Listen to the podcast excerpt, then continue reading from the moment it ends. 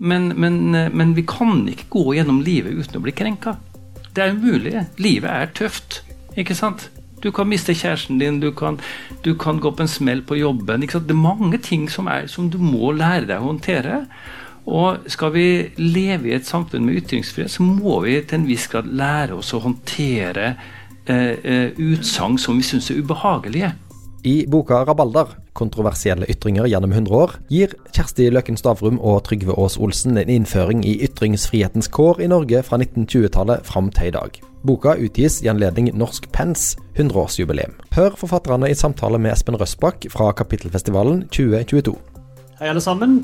Eh, velkommen til Kjelleren, velkommen til Kapittel. Til de som eh, ja, kanskje ikke vet hvor de er ennå. Og velkommen eh, til Sølvberget. Mitt navn er Espen Røsbakk, og jeg sitter her med to forfattere av en helt ny bok. Faktisk så ny at eh, det første opplaget er trukket tilbake pga. en liten trykkfeil, og så kommer det nytt på eh, opplaget nå på mandag, så vidt jeg forsto.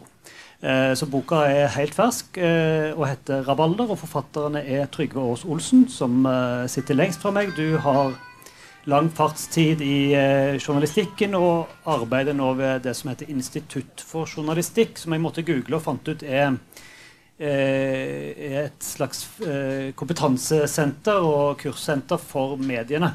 Sånn Hvis jeg er journalist, da, så eh, booker jeg et kurs hos deg. Er det sånn? For sånn er det. Vi driver eh, videreutdanning og kursvirksomhet for profesjonelle journalister og redaktører. Ja, Velkommen ja. til deg. Takk. Og så har vi Løken, Kjersti Løken Stavrum eh, her, som òg eh, har eh, lenge vært noe innen media, som det heter. I mange funksjoner. Og hatt en tørn innom som, som direktør, heter vel det. Generalsekretær heter det i Norsk Presseforbund. Og nå, eh, og du måtte google litt nå òg, eh, for dette, nå er du eh, i noe som heter både Tinius-stiftelsen og Blummenfelt Industrier, som begge har et eller annet med Schibsted å gjøre. Ja. ja. Trenger ikke utdype det, nei. Men du er òg da leder i Norsk Penn, og du har vært leder av Ytringsfrihetskommisjonen.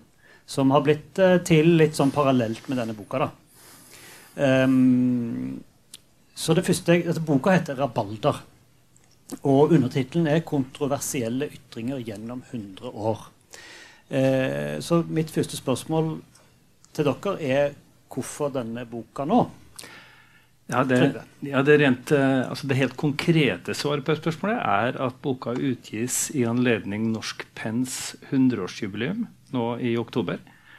Eh, Penn mente at det var uh, fint med en sånn bok som kunne oppsummere ytringsfrihetens historie i Norge. Hva var det som skapte rabalder på 20-tallet, 30-tallet?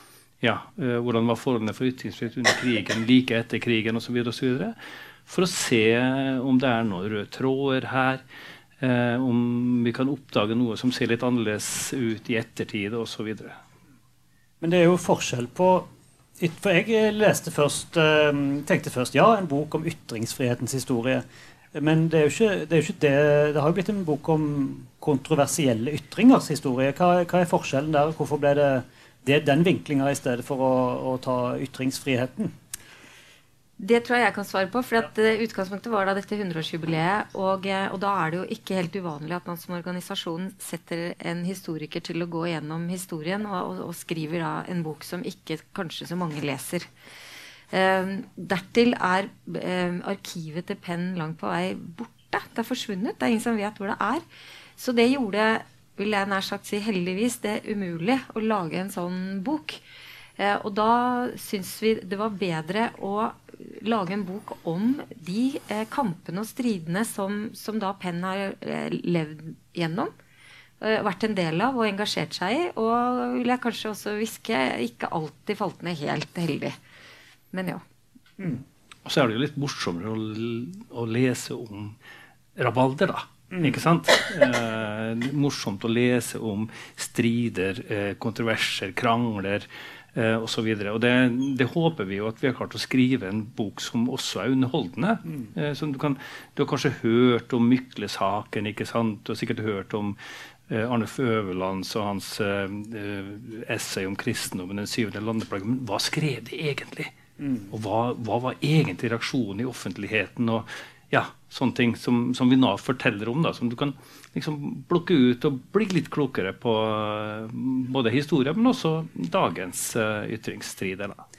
Hvordan tenker du at rabalder og bråk og uh, sånne ting har bidratt til å drive fram historien? Er det, er det viktig dette her for den generelle samfunnsutviklingen? Ja. ja.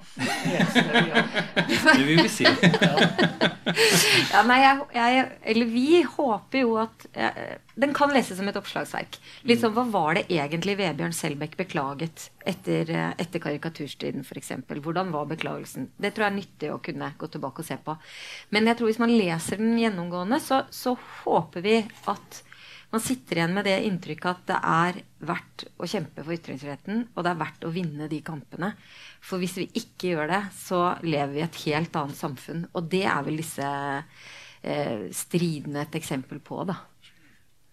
Dessuten så er det jo slik at, eh, at samfunnet utvikler seg gjennom konflikter. Ved å få liksom ulike, ulike interesser eh, eh mot hverandre. Og så får vi en diskusjon, en debatt, og så kommer vi til ny erkjennelse, forhåpentligvis. Mm. Og Det er jo så fint at vi har ytringsfriheten, at, uh, slik at samfunnet kan utvikle seg etter diskusjoner og debatt og rabalder. ikke sant? Så man kan si at, at uh, La oss ta f.eks. Uh, Mykle-saken da, og Bjørneboes uh, 'Uten en tråd'. altså disse bøkene som ble, ble ført til retten for at de var, de, var for utuktige. ikke sant? Et etter disse stridene så har det ikke vært mye strid om utuktig litteratur i Norge. Man skjønte at vi kan ikke holde på å eh, sende politiet etter, etter skjønnlitterære forfattere. Det kan vi ikke gjøre. Så det rebalderet som disse sakene skapte, det gjorde at ok, eh, vi nådde en ny erkjennelse. Samfunnet gikk videre mm. i en bedre retning. Eh, dere har gått 100 år tilbake. Jeg eh, gikk bitte litt lenger tilbake i researchen. Um, og jeg gikk til, For jeg tenkte jeg må, må prøve å gjøre det litt grundig. Altså, jeg uh, leste i hvert fall Tok 50 år til, liksom? Nei da. Jeg gikk til Aristoteles, til retorikken. Okay. Ja, okay. uh, og Aristoteles han sier uh, i retorikken det er hovedsakelig fem temaer som alle debatterer. Og sånt, sånt var det altså på hans tid.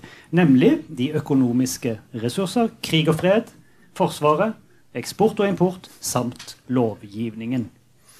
Um, og det har uh, kanskje endra seg uh, til i dag til en viss grad. Uh, men dere peker òg på da, fem stridstemaer de siste 100 år som har vært liksom, gjenstand for mest rabalder. Hva, hva, er de fem? Ja, Det er altså religion. Det har man alltid vært strid om når det gjelder ytringsfrihet. Altså blasfemi. da. Hva kan du si om Gud eller Allah, eller hvor mye moro kan du ha med prester? ikke sant? Og så er det selvfølgelig sex. Eh, hvor mye kan du skrive om sex? Hvor mye kan du vise fram? Hva kan du selge? Osv. Eh, det har det alltid vært strid om. Det er det fortsatt. ikke sant? Kan du gå i pridetog? Er det ukontroversielt? Og så, og så er det politikk. Eh, hvilke ytringer er politisk akseptable og ikke politisk akseptable? Eksempel, hva har du lov å mene i samfunnet? Det, det er det fortsatt strid om. Og så er det rasisme. rasisme eh, som, vi, vi har, eh, som, det har vært stridigheter om i Norge eh, og ellers i verden. Selvfølgelig eh, gjennom disse 100 åra. Det er det fortsatt. Og så er det en sånn sekkepost da, kan du si, som vi kaller for krenkelser. Altså at folk blir eh, krenka og ikke tåler eh, ytringsfriheten så godt. Og det er det mye snakk om nå, så det tenkte vi skulle komme litt tilbake til. Vi, men, men, først så hadde jeg litt lyst til, da, for å gi litt sånn um, en smak til publikum av, um, av disse Det som er gøy i boka, er jo da at er, du får et innblikk i disse konkrete situasjonene der det har blitt rabalder. Uh, så jeg tenkte vi kunne ta for oss de fem kategoriene. Um, og når det gjelder uh, religion hva er det liksom mest liksom, tydeligste historiske eksempelet der det har blitt rabalder om religion? Og kanskje kristendommen da, har det vel vært historisk? Ja, vi kommer ikke utenom eh, altså Arnulf Føveland og hans essay 'Kristendommen den tiende landeplage'. Det ble skrevet som reaksjon på at eh, teaterstykket 'Guds grønne enger' ble nektet satt opp på Nationaltheatret i Oslo. Guds Eller forsøkt nektet, i hvert fall. Ja, det Ja. kom jo ikke opp. Nei, nei, Nei. men det mm. Um, og det teaterstykket, det, det var et anerkjent godt teaterstykke. Det hadde vunnet uh, priser i USA, gikk uh, på Broadway. Men det var altså et teaterstykke som var satt til sørstatene. Eh, Det handler om en ung jente som lever seg inn i Det gamle testamentets historier. Og så oversetter hun dem til sitt eget nabolag, som da var et svart nabolag. Så på teaterscenen så er også Gud. Han er svart. Han går rundt eh, i en slåbrok og røyker sigar og holder til i et litt sliten kontor med engelen Gabriel, som også er svart, som sin nærmeste eh, medarbeider. Eh, det, helt, det gikk ikke an å sette opp i Norge den gangen. Eh, fordi at det ble ansett for å være blasfemisk. Og eh, Øverland ble da tiltalt etter, eh, Han ble tiltalt for blasfemi da han skrev denne 'Kristendommen den tiende landeplage'. Ja, for han holdt det foredraget i Studentsamfunnet, I som en protest på at uh, stykket ble nekta Nettopp. plass. Ja. Som en protest. Og det var et Bare en sånn liten viktig Ja. detalj der er at altså, Stortinget klikker jo i vinkel på dette stykket. Ja. Så de forsøker å instruere Nationaltheatret eh, i, i, i sitt eh, programrepertoar. Det er jo ja. Ja, i vår var- tid veldig spesielt. Ja. Men siden eh, Øverland ble frikjent med minst mulig margin, og etter den tid så er det ingen som har blitt dømt for blasfemi i Norge. Så det var en sånn, eh, også en sånn viktig eh, enkelthistorie, rabalder, som førte til at samfunnet faktisk utviklet seg i riktig retning. Men det er kanskje den største religionsstriden eh, i forrige århundre. Det var striden om Guds grønne enger og eh, Øverlands eh, essay. Tenkte bare kunne sitere litt av hva han sier, for det er sikkert ikke alle som har talen i eh, friskt minne. Han sier f.eks. om Gud eh, sitat, Gud er et vesen som i utvortes henseende ligner oss. Vi er skapt i hans bilde. Han er mann. Han har meget hår og især skjegg. Han har nese og munn og tarmkanal, tror jeg da. Og for alt jeg vet om ham, har han vel også kjønnsorgan? Eller kanskje har han ikke det? Det er jo ganske friskt. Det var sterk kost, men den gangen så var jo altså, Dette var jo det offisielle bildet av Gud. Ja. Det var en mann med hvitt skjegg. Ikke sant? En hvit mann med hvitt skjegg. Uh, I dag så, så, så ser vi jo på dette bildet, dette gudsbildet, som, som en sånn, eh, litt sånn anakronisme. Det, var, ikke sant? det er sånn, ja, litt som en julenissetegning. Men den gangen så, så, så var det liksom det offisielle bildet. Sånn så Gud ut. I hvert fall så Gud ut sånn her hjemme. Ja. Eh, for jeg, jeg så Tom Christiansen, NRK tidligere korrespondent, eh, la ut her på Facebook at minnet om at andre steder så er Gud faktisk av, har annen hudfarge. Og egentlig har alltid hatt det. Men det hadde han altså ikke i, i Norge, da. Eh, men eh, eh, jeg tror vi, i boken så kommer det veldig tydelig fram at religionen har vært vikla inn i mange av disse kontroversene. Eh, religiøse følelser eh, har vært eh, sårere enn andre følelser. Og, og det er kristendommen helt opp til egentlig Salman Rushdie. Og så snur det, og så er det islam som er den religiøse følelsen som overtar, egentlig, og som da er i, i de gjenværende kontroversene som handler om kristen, eller som handler om religiøsitet. Mm. Skiller det seg på noen måte? Det er rabalder, eller er dette det samme på ny? Eh, er, er, man krenka, De religiøse følelsene er de krenka på samme måte som de var hos de kristne på 30-40-tallet? Man, man kan si at det er litt av det samme, fordi at eh, den gangen, eh, altså med Guds grønne enger, så var det utenkelig å ansett for å være blasfemisk å framstille Gud som en svart mann. Inn i karikaturstriden så er det ansett for å være blasfemisk å tegne Mohammed. Men, men det er en vesentlig forskjell likevel. Og det er nok eh, jeg, eh, I det øyeblikket vi fant ut eh, at rabalder var et fint ord, så har vi vært liksom begeistret over tittelen. Og den dekker jo veldig mye av det, også for å ufarliggjøre det. Men akkurat når vi går over til f.eks. karikaturstridene, så er det ikke rabalder. Da er det livsfarlig. Og det er en stor forskjell. Eh, det er sånn at dagens karikaturtegnere i Norge de tegner ugjerne noe som kan provosere de følelsene, fordi de er redd. Og man var altså ikke livredd eh, noen gang tidligere. Det var man ikke. Men det kunne være ubehagelig, selvfølgelig, og du kunne bli trukket for retten. Men, men det er en veldig vesentlig forskjell. Og blasfemiparagrafen, som da Arnulf Øverland ikke ble dømt for, men mm, på, en, på hengende håret, da, den besto jo fram til 2015. 2015 så den er jo nylig avskaffa. Ja, og, og der, det skriver vi også ganske detaljert om. Hvordan den da forsvinner i etterkant av eh, den første karikaturstriden. Da, da var det helt tydelig at den var overmoden. Men, øh, og det, inni der kom jo også den forrige ytringsfrihetskommisjonen, som legger fram sin rapport i 99. De har noen ganske interessante drøftelser om den, øh, den øh, paragrafen. Fordi det er flere på, det, på begynnelsen av årtusenskiftet som foreslår, flere offentlige utvalg som foreslår å ta den vekk. Mens Ytringsfrihetskommisjonen da de, de påpeker at det hadde nok vært lettere før, skriver de. Mm. Eh, hvis vi, altså I betydningen vi burde nok ha gjort det før. For nå er det andre religiøse følelser. Så de har en ganske interessant drøfting sånn retrospektivt av, eh, av hva de så komme da. Mm. Mm. At man må liksom uh, gi litt tid for å se hva beskyttelse disse uh, religionene trengte? da? Nei, mer det at uh, viljen til å ta vekk et forbud mot blasfemi mente kommisjonen at, var, at den var større når vi egentlig konsentrerte oss om kristendom, mens, mens, at det var andre religioner på oppløpssiden som ikke så gjerne ville fjerne eh, blasfemiparagrafen. Forutså de, og det fikk de jo rett i også, egentlig. Mm. Ja. Ehm, det neste, den neste kategorien der det har vært um, Og det er jo òg i seg sjøl en, en, en, kunne jo skrevet, eller det, det, er jo skrevet flere historiebøker om rasismens historie. Så det er jo et, uh, det er et stort lerret å bleke å snakke om det. Men um, i denne konteksten, det som har, ytringer som har skapt rabalder knytta til rasisme, hva er det viktigst å trekke fram, Trygve? Ja, vi kan snakke om ytringer, men vi kan også snakke om på en måte, hvordan rasisme har eh, påvirka ytringsfriheten negativt. Og Da kan vi f.eks. se på samenes historie. Ja. Eh, samene i Norge de, eh, helt fram til ut på 60-tallet ble nekta å snakke sitt språk i skolen.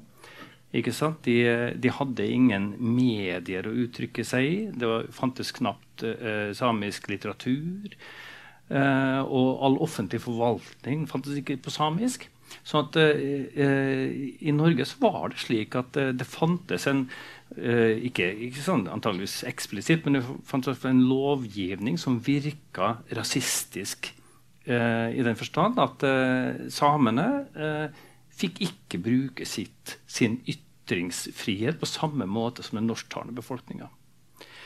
Eh, sånn var det, og så enda det seg kanskje litt på 80-tallet og deretter. Men fortsatt i dag så viser jo Ytringsfrihetskommisjonens arbeid eh, at eh, mange samer eh, vegrer seg for å delta i offentlig debatt, særlig om samiske spørsmål, fordi at eh, de opplever så mye hets. Altså rasistisk hets. Så én ting er liksom du, hvor rasistisk kan du være, på en måte, uten at du bryter lovverk osv. Men, men vel så interessant så er det å studere hva, hva gjør altså hverdagsrasismen med enkelte menneskers ytringsmuligheter. Det er jo, og det er jo rett og slett eh, statlig strukturell rasisme. Uh, mens, mens uh, vi har et annet eksempel på rasisme som, som kanskje er mer hva skal jeg si, allment, men som er en veldig interessant historie. Og det er eh, en, et eksempel som jeg tror de færreste kjenner eh, av åpenbare årsaker. For det var en, en, en, kvinnelig forfatter av en barnebok. Hun heter Hilde Henriksen, og boken heter 'Sitronlimonaden'. Og den ble tilbake nå da i 2019 helt, helt, uventet anklaget for å være klart rasistisk i et brev som ble sendt til Likestillings- og diskrimineringsombudet. Og det var, det var, en bok som hadde vært på markedet lenge. Den hadde, den, eh, noen utdrag eh, te, i teksten er brukt i lærermidler også for 4. klasse og 7. klasse, er det vel. Eh, men det ble Det å anklage noen for å være rasistisk er fortsatt en veldig sterk anklage. Eh, og det skriver vi om hvordan, eh, hvordan, den, eh, hvordan det innvirket på henne, f.eks. Eh, hun, hun var til og med ironisk nok, kan man si, men det var derfor hun hadde laget denne boken. Hun var lærer for fremmedspråklige, særlig kvinner, for at de skulle kunne øve seg på å lese. Derfor er denne boken skrevet. Eh, men, men, med denne anklagen så har det for henne vært helt umulig å gå videre. Hun mistet jobben sin og eh, har ikke skrevet bok etter det. Så rasistiske ytringer var jo på en måte altså, Fram til jeg vet ikke, men dere siterer jo eh, hvordan man omtalte både svarte og Ja, ja. samer. Og det var jo på en måte kom il få'. Det var, det Eh, var eh, en høy rasistisk. himmel over hverdagsrasismen eh, i gamle dager. Ja. Altså, det var altså dette N-ordet, ikke sant, som vi kaller det i dag. Og knapt nok det. Og knapt nok det. ikke sant? Altså, det, var, det var fritt fram for rasistiske ytringer eh, til langt ut på eh, 60-70-tallet, i hvert fall. Det var det. Eh, I dag så er nok rasismen litt mer sånn litt mer skjult. ikke sant? Den er ikke så eksplisitt.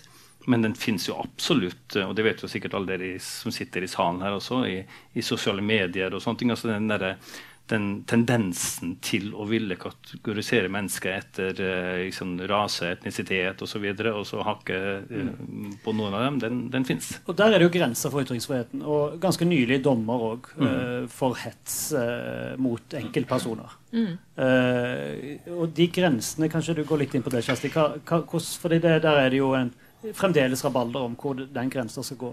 Absolutt. Eh, Det var eh, oppe i Høyesterett for eh, tre uker siden. var det en sak om den nedre grensen.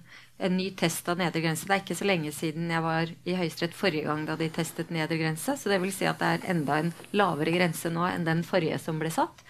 Eh, og, eh, eh, og den gikk nå Eller ble, vedkommende ble felt. En, en voksen mann, litt ruset, på Jessheim stasjon, som sier til en altfor ung jente med bakgrunn fra Somalia ha, dra tilbake til Somalia, for der får du ikke noe Nav. Der blir det bedre, der får du ikke noe Nav. Det er omtrent det han sier. Og, og det ble med dissens i Høyesterett da han ble dømt for det. Eh, og, jeg, jeg syns jo det er interessant eh, fordi og det litt, tilhører litt det du sa kanskje i stad med skjønn, det å trekke forfatter inn. altså når, når du får ytringer inn i domstolen, så blir det veldig rart. Du, du klarer veldig lett å forestille deg hvordan disse ytringene har blitt skyllet ut, ikke reflektert nøye over det, og, dertil også da en som er ruset. Mens det da står til syvende og sist to dress, eh, kappekledde menn eh, i Høyesterett og reflekterer litt høyt rundt hva kan han ha tenkt når han sier. Og han har jo sannsynligvis ikke tenkt stort i kampens hete, eh, men blir da dømt. Mens kontrasten er jo interessant da opp mot Sian, og, og det er vi også litt innom i, i boken. hvor Sian, eh, etter å ha tråkka feil flere ganger, det skal vi si, eh, vet nå sånn akkurat hvor grensa går for hva de kan si, og står da med politiets beskyttelse for å få lov til å si det de har på hjertet. Og det er jo et paradoks i dette ytringsfrihetsuniverset, egentlig. Fordi det er lov å kritisere religion i ganske harde termer. Eh, å brenne Koranen er lov, sant? Bare den grensa går ikke der. Men å si til en enkeltperson altså, Å å karakterisere deg på bakgrunn av din religion eller på bakgrunn av din hudfarge, det kan man ikke gjøre. Mm. Litt avhengig av hvordan man gjør det, da, selvfølgelig. Og nå er det da lagt en ny lav eh, list. Ja. Så, så de smarte rasistene, de går fri. De uh, uutdanna, kanskje maktesløse på andre områder, rasistene, de blir dømt. Er det det som er tendensen i rettsvesenet? Ja, det er i hvert fall, Nå er vi litt over Ytringsfrihetskommisjonen, men det er noe Ja. kommisjonen peker på. At uh, det bør man se litt nøye på om det er en sosial slagside i de sakene. Fordi det er ikke sjelden dette skjer i en bakt potetkø. Gjerne på Elverum. eh, gjerne nattestid. Det er et mønster. Eh, og det er klart at det, det er jo ikke dermed sagt at det skal være greit å si forferdelige ting. Det er bare hva er det den loven egentlig er ment å avverge? Og den skal avverge at det spres hat i samfunnet mot enkeltgrupper. Eh, og det er jo da et spørsmål om den fungerer helt etter planen. Hvis det er det som er et mønster. Vi må nesten videre til sex, tenker jeg. Eh, Ja, ikke sant? Ja, og det, og det er jo um, Det har jo vært kontroversielt. Jeg vet ikke om det er det fremdeles. Det er kanskje, kanskje alt er lov nå, men um, jeg tenkte jeg kunne begynne med å sitere det som er som jeg ikke har lest før, som, er, som var en liten øyeåpner i, i, denne, i denne boka. Tre tilhørere i Oslo byrett når Bjørneboe var tiltalt da for um, uten en tråd, eh, for at det var utyktig litteratur. De skrev et referat, og eh, jeg kan sitere deler av dette referatet. Det var Bjørn Bjørnsen, Terje Hoel og Johan Ludvig Mowinckel som refererer da her. Eh, om hvordan dette her eh, framsto i retten. Lystige erotiske påfunn som to unge pikers varme håndtrykk med en adelig penis blir påhørt med steinstiv ubevegelighet. Opplesning av scener fra en tysk ølbule hvor man i brølende marsjtakt fremfører devisen 'vin og pølse', skaper ikke engang forståelsesfulle glimt i blikk som er brustne etter timelange beskrivelser av en ung pikes kopulerende haiketur gjennom Europa. Ikke så mye som en rykning i munnvikene avslører den maskuline forsamlingens oppfatninger om de, om de detaljbeskrevne kjønnsdeler stangen og blomsten, som er i flittig bruk gjennom bokens 160 sider. Honningsaften flyter, men retten sitter like tilkneppet. Her dør de erotiske basillene i juridisk dypfryser. Det er godt skrevet. Ja. Det er jo nesten litt trist at vi ikke har sånne rettssaker lenger Ja, som, si. eh, som, eh, som denne. Ja, Vi må nøye oss med Bertheussen og den slags. ja vi må det. ja. Men fortell litt om, eh, om, om dette. Altså Bjørneboe han skrev jo uten en tråd eh, med det håp at den skulle bli eh, tiltalt for utukt. Ikke sant? Han ville jo vise fram akkurat dette som disse referentene skriver. ikke sant? Altså hvor, hvor eh, gammeldags og sånn steinstiv eh, denne jussen var. Så han oppnådde akkurat det han ville. Han, han ble tiltalt. Han raljerte med, med statsadvokat eh, Dornfeldt gjennom hele retten, rettssaken. Han, han, eh, ja, altså han, eh, han viste fram latterligheten i offentlighetens eh, reaksjon på at helt normal seksuell aktivitet ble omskrevet i en bok. Så, og der lyktes jo han over all forventning. For, for siden så har man ikke tatt noen sånne bøker til retten for utukt. Så han trivdes jo i, i rettssalen, Ja. Eh, men det var verre for Agnar Mykle, som dere beskriver det i hvert fall? Eller? Ja. For Mykle sin del så, så gikk det skikkelig gærent. Altså han, eh, han følte jo etter Mykle-saken at det satt en eller annen sånn statsadvokat på skuldra hans nærmest og, og, og passa på hva han skulle skrive og ikke skrive. Det ble Mykle, ikke sant? Han, han, han, eh, han følte seg rett og slett eh, altså, litt sånn mm, bundet da, i sin forfattergjerning etterpå. Så, så han eh, fikk jo aldri den, den karrieren som uh, han så ut til å få den gangen hvor han virkelig var en stor litterær stjerne. Så, så jeg har bare lyst til å legge til at vi har jo uh, passuser inne i boken hvor vi har fått uh, folk til å skrive selv, de som har stått i, i stridene. Og ikke alle har Siden den går så langt tilbake, så er det selvfølgelig ikke tidsvitner sånn sett. Men eh, for jeg sitter og ser på Anders Heger, som da har skrevet om Mykle også i boken. Mm. Der sitter Mykles biograf Anders Heger ja, på Ja. bakerste benk, som, har skrevet, eh, altså, som har fortalt hvordan Mykle opplevde dette. da. Mm. For de som nå sa vi ikke tittelen på boka, men da, da sangen om den røde rubin som Sangen ble tiltalt. Eh, Ja. Og hvordan, eh, hvordan endte den rettssaken? Nei, altså, Mykle ble jo ikke dømt. Bjørneboe ble dømt. Ja. Ja. det vil si, altså, det ble jo anka opp og frem og tilbake osv. Men til syvende og sist så eh, Og i dag så, frem, så er jo liksom sangen om Eller siden har jo sangen om Den røde rubinen vært på en måte en, en klassiker i norsk litteraturhistorie. litteraturhistorie. Mens Bjørneboes eh, provokasjon uten en tråd, den er jo på en måte en morsomhet. Ja. Men det, det, har jo ikke, det er jo helt riktig at ikke det har vært flere sånne bøker, men det har jo vært andre bøker i retten, og det skriver vi også om. Eh, 'Brent av dragen', f.eks., eller ikke minst 'Bokhandleren i Kabul'. Og, og begge de har jo til felles det Trygve sier, at det, når en bok først kommer inn i kverna, så blir den der en stund. For den blir så, er så, det, det er jo så prinsipielt viktige saker, så man kan liksom ikke slippe det før uh, the bitter end. Da. Og det, det viser vel også de andre sakene her. Mm. Men dette med sex, er, det, er dette de, de eksemplene her med de to eh, romanene? Er det, er det Har vi da fortalt den viktige historien om uh, rabalder rundt uh, sex? Det har, jo, altså, det har jo alltid vært Det var jo strid om pornografi. Ikke Ja. sant? Altså, eh, det, ja. Det var jo eh, både Pornoblader ble jo brent ikke sant, på, på eh, 60- og 70-tallet. Og eh, det har vært strid om, om eh, sexskildringer i film, i, på TV osv. Men, men nå sant, Internett var jo den store liksom, uh, game changeren på det området der. Nå flyter jo pornoen fritt.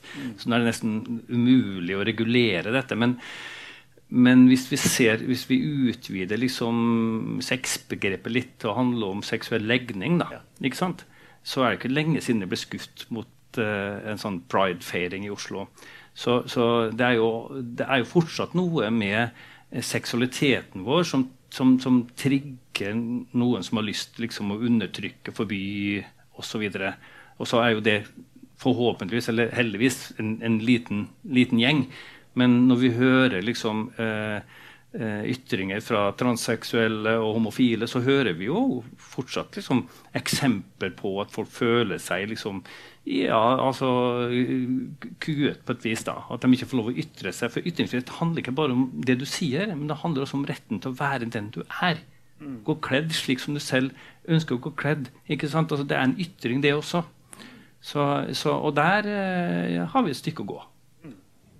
Ja, Det har skapt en del rabalder i min Facebook-feed har jeg sett i det siste. Faktisk ganske harde ordskifter om kjønnsidentitet. Og, mm.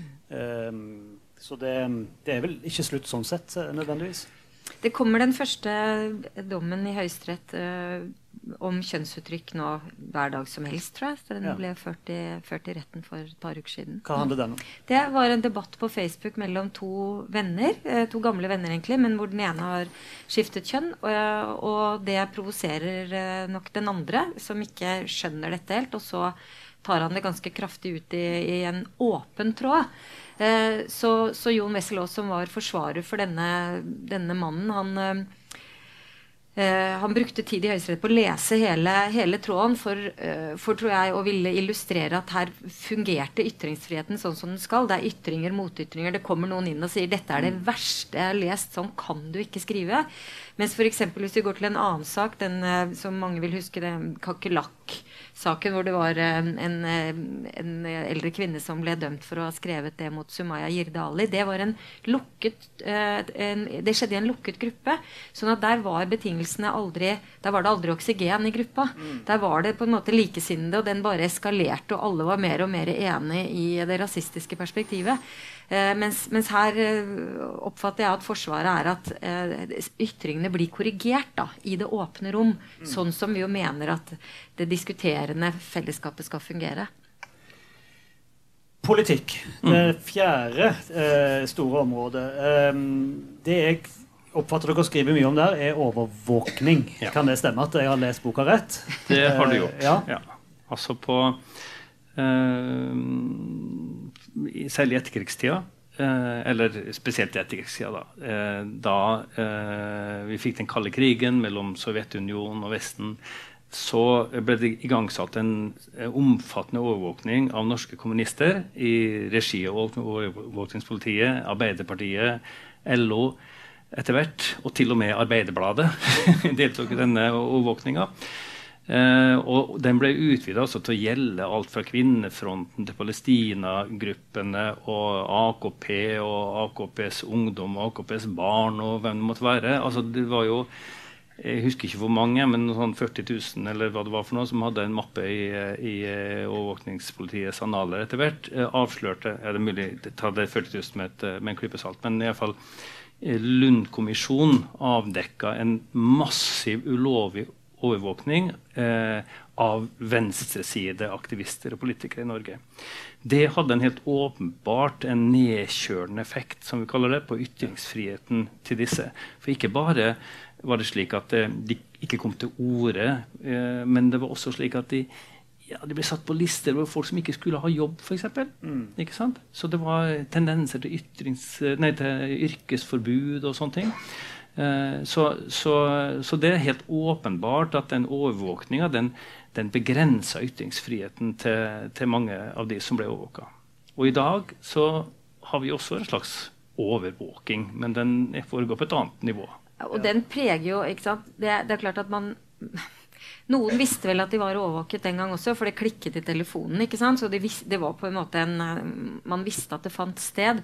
I vår tid er det jo mye mer skjult og sånn sett vanskelig å si hvordan det påvirker ytringsfriheten vår. Men at den eh, er en ny rammebetingelse, det er det jo ikke noe tvil om. Men vi skriver jo også selvfølgelig helt åpenbart om eh, teaterstykket 'Ways of Seeing', mm. eh, som jo forsøkte å ta opp dette og problematisere det, og ikke minst da med Lund som selv er på scenen. Ehm, og eh, jeg tror det er noen sånne morsomme detaljer uh, i teksten der som man også kan glede seg over. Men det som jo også blir et paradoks i dette, er jo som alle dere her husker, for det er så kort tid siden, så, uh, så blir jo da Bertheussen domfelt pga. overvåkingsmetoder.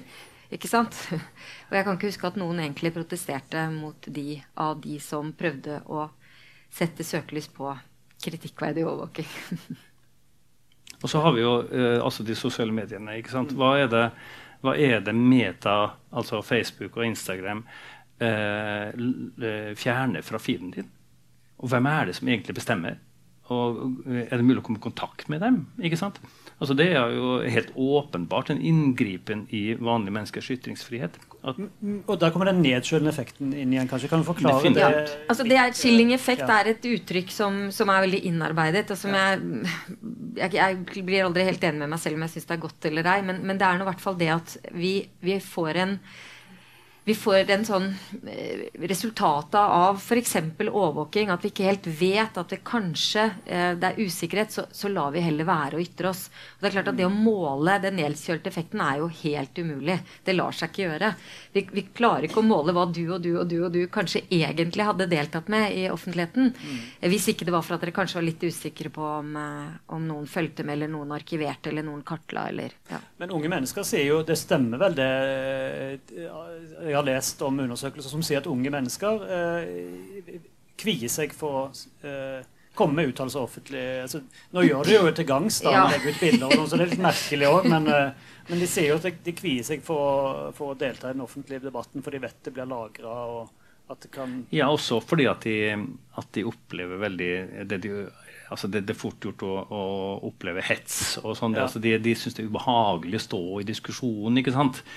Uh, for nå er jo det du, det du før kanskje ytra til vennene dine, ikke sant? det skriver du nå i et sosialt medium, og så får, kan du plutselig høste storm fra øst og vest. ikke sant? Det, ja. Og så har noen tatt en skjermdump, og så har du det gående. Og ja. også dette er jo unge mennesker som kanskje til og med er klar over at det er ikke sikkert det jeg mener og skriver nå, er noe jeg mener og kan skrive i morgen. Mm. Eh, så, Men for 100 år ja. siden så var det glemt kanskje etter to-tre uker.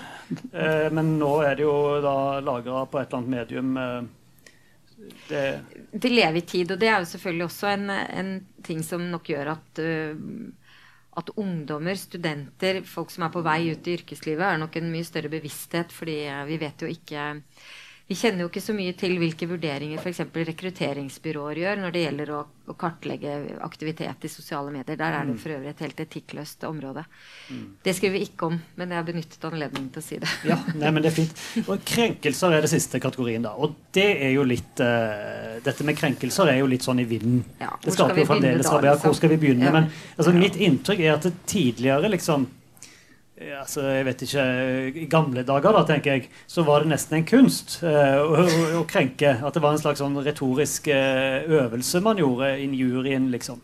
Uh, men, men, den kunsten har jo forsvunnet litt. Det, det, det er ikke sånn at man Det fins ikke sånne det blir ikke sett på som en sånn uh, Elevert øvelse. Ja, elevert øvelse. Ja, ja. Mm. Hvis man, hvis man f.eks. nyleser uh, du, le, du, siterte jo litt fra Øverlands uh, essay det er jo retorikk på høyt nivå. Det er en trolig skarp penn som skriver dette. ikke sant?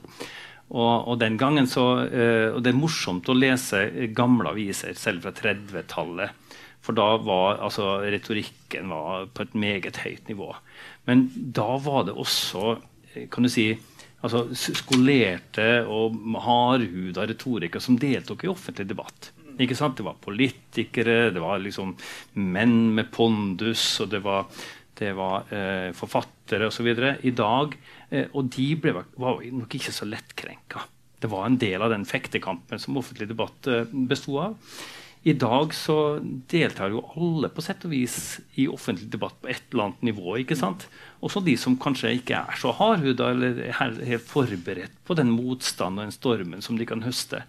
Eh, ergo så, eh, så, så, er det nok flere som, som, som blir krenket, ikke sant? Eh, fordi at det er flere som opplever det, det ubehaget. Da. Det er å stå i, i en Eller få kritikk osv. Og Journalistene har blitt mer profesjonelle, og politikerne har fått kommunikasjonsrådgivere. Ja. Så den gode krenkelsen, den gode injurien, den Nei, ja. den, er, den, den fins jo egentlig ikke. Det fins vel kanskje litt sånn i, i, i, blant avisenes kommentatorer. Her i Stavanger har dere jo Svein Egil Omdal, f.eks., som jeg syns er en god krenker. Mm. Altså. og, og, karikaturen er jo òg ja, eh, en sjanger som har overlevd ja. Eh, disse hundre årene. Og en, ligner seg sjøl på en måte. Ja. Det gjør den. Det rare er at den egentlig ikke har blitt eh, transformert til det digitale. Eh, det syns jeg jo er litt pussig. Den har en, fortsatt en prominent plass, men i papiravisen. Eh, men digitalt skal du lete lenge før du ser den.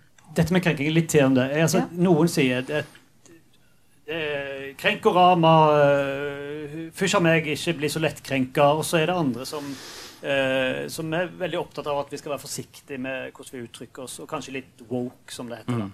Uh, altså bevisst er vel det en, uh, en, en slags oversettelse av. Årvåken. årvåken, ja. Nettopp. Mm. Altså man skal være årvåken med mm. hvordan man uttrykker seg. spesielt om identitet.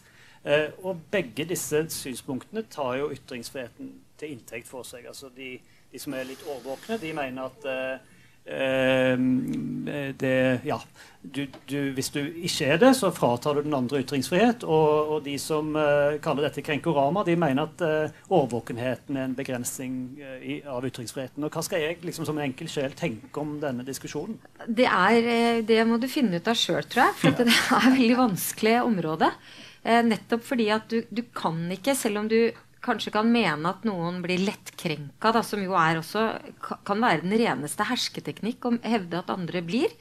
Eh, mens, eh, eh, mens det fratar ikke situasjonen de eh, såre følelsene som man kan skape uansett. For hvis det er sånn at den enkelte føler det, så, så, så er det en realitet. Og Det er derfor jeg tror at det, eh, denne, denne, boken her kunne, kan vi liksom bare skrive og skrive og skrive fordi det tilhører det eh, altså Ytringsfriheten tilhører den, den, litt smertefulle prosessen det er å bli konfrontert med ting du kanskje ikke liker eh, å høre. Eh, og vi er mennesker. Vi, vi reagerer med, med hele registeret. Og, eh, og, eh, og, det er det denne boken også viser. At det er, det er det, er, det blir rabalder, det blir bråk, det blir, er vondt og vanskelig når man Eh, og særlig hvis det blir personlig. Og vi, vi, har jo alle vokst opp med dette at du skal skille sak og person. Det, er, altså, det gjør vi jo ikke. Eh, den, aldri, den, går liksom aldri inn, den polletten. At det hadde vært veldig lurt å skille sak og person. Da kommer vi et godt stykke videre. Eh, så, så ja, det, det fins ingen god eh, rettledning på det. Men jeg tror det er viktig at vi fortsetter å diskutere det og ta opp enkelt enkelthistorier. Og så må vi liksom se og, og, gjøre, og vende, vri og vende litt på det. det jeg snakket for eh, Norsk redaktørforening i går og, og, og minte om at det kan være fint å ettergå når folk mener at de er blitt utsatt for hat og hets, f.eks. Ettergå eksemplene, sånn at vi er helt sikre på hva det faktisk er man viser til. For det er et stort strekk i det laget. Noen blir jo utsatt for helt uhorvelige ting. Sånn som vi har sett nå dokumentert eh, ungdommene fra Utøya f.eks. Det er jo helt uforklarlig hva noen er i stand til å skrive. Mens andre eh, må litt sånn få vondt eh, og må ha litt trøst av ganske svake ting. I, i, eh, der hvor jeg bor, så har vi selvfølgelig en Facebook-gruppe for fellesskapet. Det har jo alle nabolag. Og så har vi også en kattegruppe. Eh, og den ble jeg invitert inn i. Er det mye rabalder? Ja. Nettopp! Ja. Dette er veldig interessant. fordi jeg ble sluppet inn i den kattegruppa. Eller hvis jeg ble invitert inn. Jeg ante ikke at den fantes engang. Og da var det klar beskjed at her var det bare lov å legge ut bilde av katten. Det var ikke lov å kommentere på andres katter. og da kan man jo bare fantasere i hva som avstedkommer en slik regel, da. ikke sant? Ytringsfriheten tillater krenkelser. Ja. Det er lov å krenke andre. Det er ikke forbudt. Eh, eh, det som står i lovverket, at det, ja, det som er forbudt, det er liksom ulovlig hatprat, ærekrenkelser, eh, at du går for langt inn i noens privatliv osv. Og, og trusler. Og trusler, ikke sant? Og, og sånne ting. Det, det er forbudt. Men, men, men, vi kan ikke gå gjennom livet uten å bli krenka. Det er umulig. Livet er tøft. ikke sant? Du kan miste kjæresten din, du kan du kan gå på en smell på jobben. Det er mange ting som, er, som, du må lære deg å håndtere. Og skal vi leve i et samfunn med ytringsfrihet, så må vi til en viss grad lære oss å håndtere eh, eh, utsagn som vi syns er ubehagelige. Og, og, og, da, da, er selvfølgelig, som Kjersti sier, det, man skal ikke akseptere hvis man er en overlevende fra, fra Utøya, skal ikke akseptere at noen skriver at skulle ønske at Breivik eh, sikta bedre. For det er mange som skriver. Det skal man ikke akseptere. Ikke Men man må akseptere eh, altså, at, at, folk stiller spørsmål med, med, med, med altså, synspunktene dine, eller hva det måtte være, på en litt tøff måte. Det må du tåle. Alternativet er jo at vi, at vi, altså har, mye, at vi har mindre ytringsfrihet. Siste spørsmål. Uh, vi kan ikke slutte med så mye realisme. holdt på å jeg har klippa ett sitat fra Aristoteles, fra retorikken. da. Uh, han skriver, og, ja, han skriver sitat, 'Det sanne og det rettferdige er av naturen sterkere enn det motsatte'. Det er hans utgangspunkt for, for retorikken. og det kan vi vel ganske klart si at det er nokså naivt i dag. Eh, at eh, sannheten eh, og det gode alltid vil vinne fram, f.eks. i den offentlige debatt. Men så lurer jeg jo litt på hva, hvis ikke det vinner fram, hva i all verdens tid er da poenget med denne her offentlige samtalen som vi snakker så mye om? Nei, og det, Jeg tror at jeg vil velge å holde fast på at uh, fornuften finner sine veier. Uh, jeg liker jo veldig godt det norske samfunn. Vi har en god kollektiv sunn fornuft uh, som ofte seirer. Og jeg tror vi gjør lurt i å holde fast ved at argumenter må til for å vinne fram.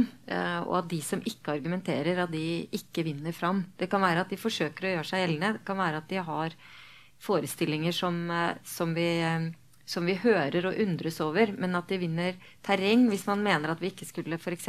ta vaksine mot covid fordi vi kan få en sånn skip under huden. Altså det er klart at Vi registrerer det, men det vinner jo ikke fram. Så så riktig så gale er det ikke, da. Det er fremdeles nei, litt snev av sannhet det. i Aristoteles sin tese. Vi lever i et godt samfunn. Ja, vi, skal, vi, vi gjør nok det. Vi skal ikke overdrive liksom all den støyen som nå er omkring ytringsfriheten. og sånne ting. Altså, vi, har, vi, lever i et samfunn med stor ytringsfrihet. Men det beste argumentet for ytringsfriheten er jo på en måte å snu seg 180 grader og se hvordan er det i land som ikke har ytringsfrihet. Mm. Er det sånn vi vil ha det? Ikke sant?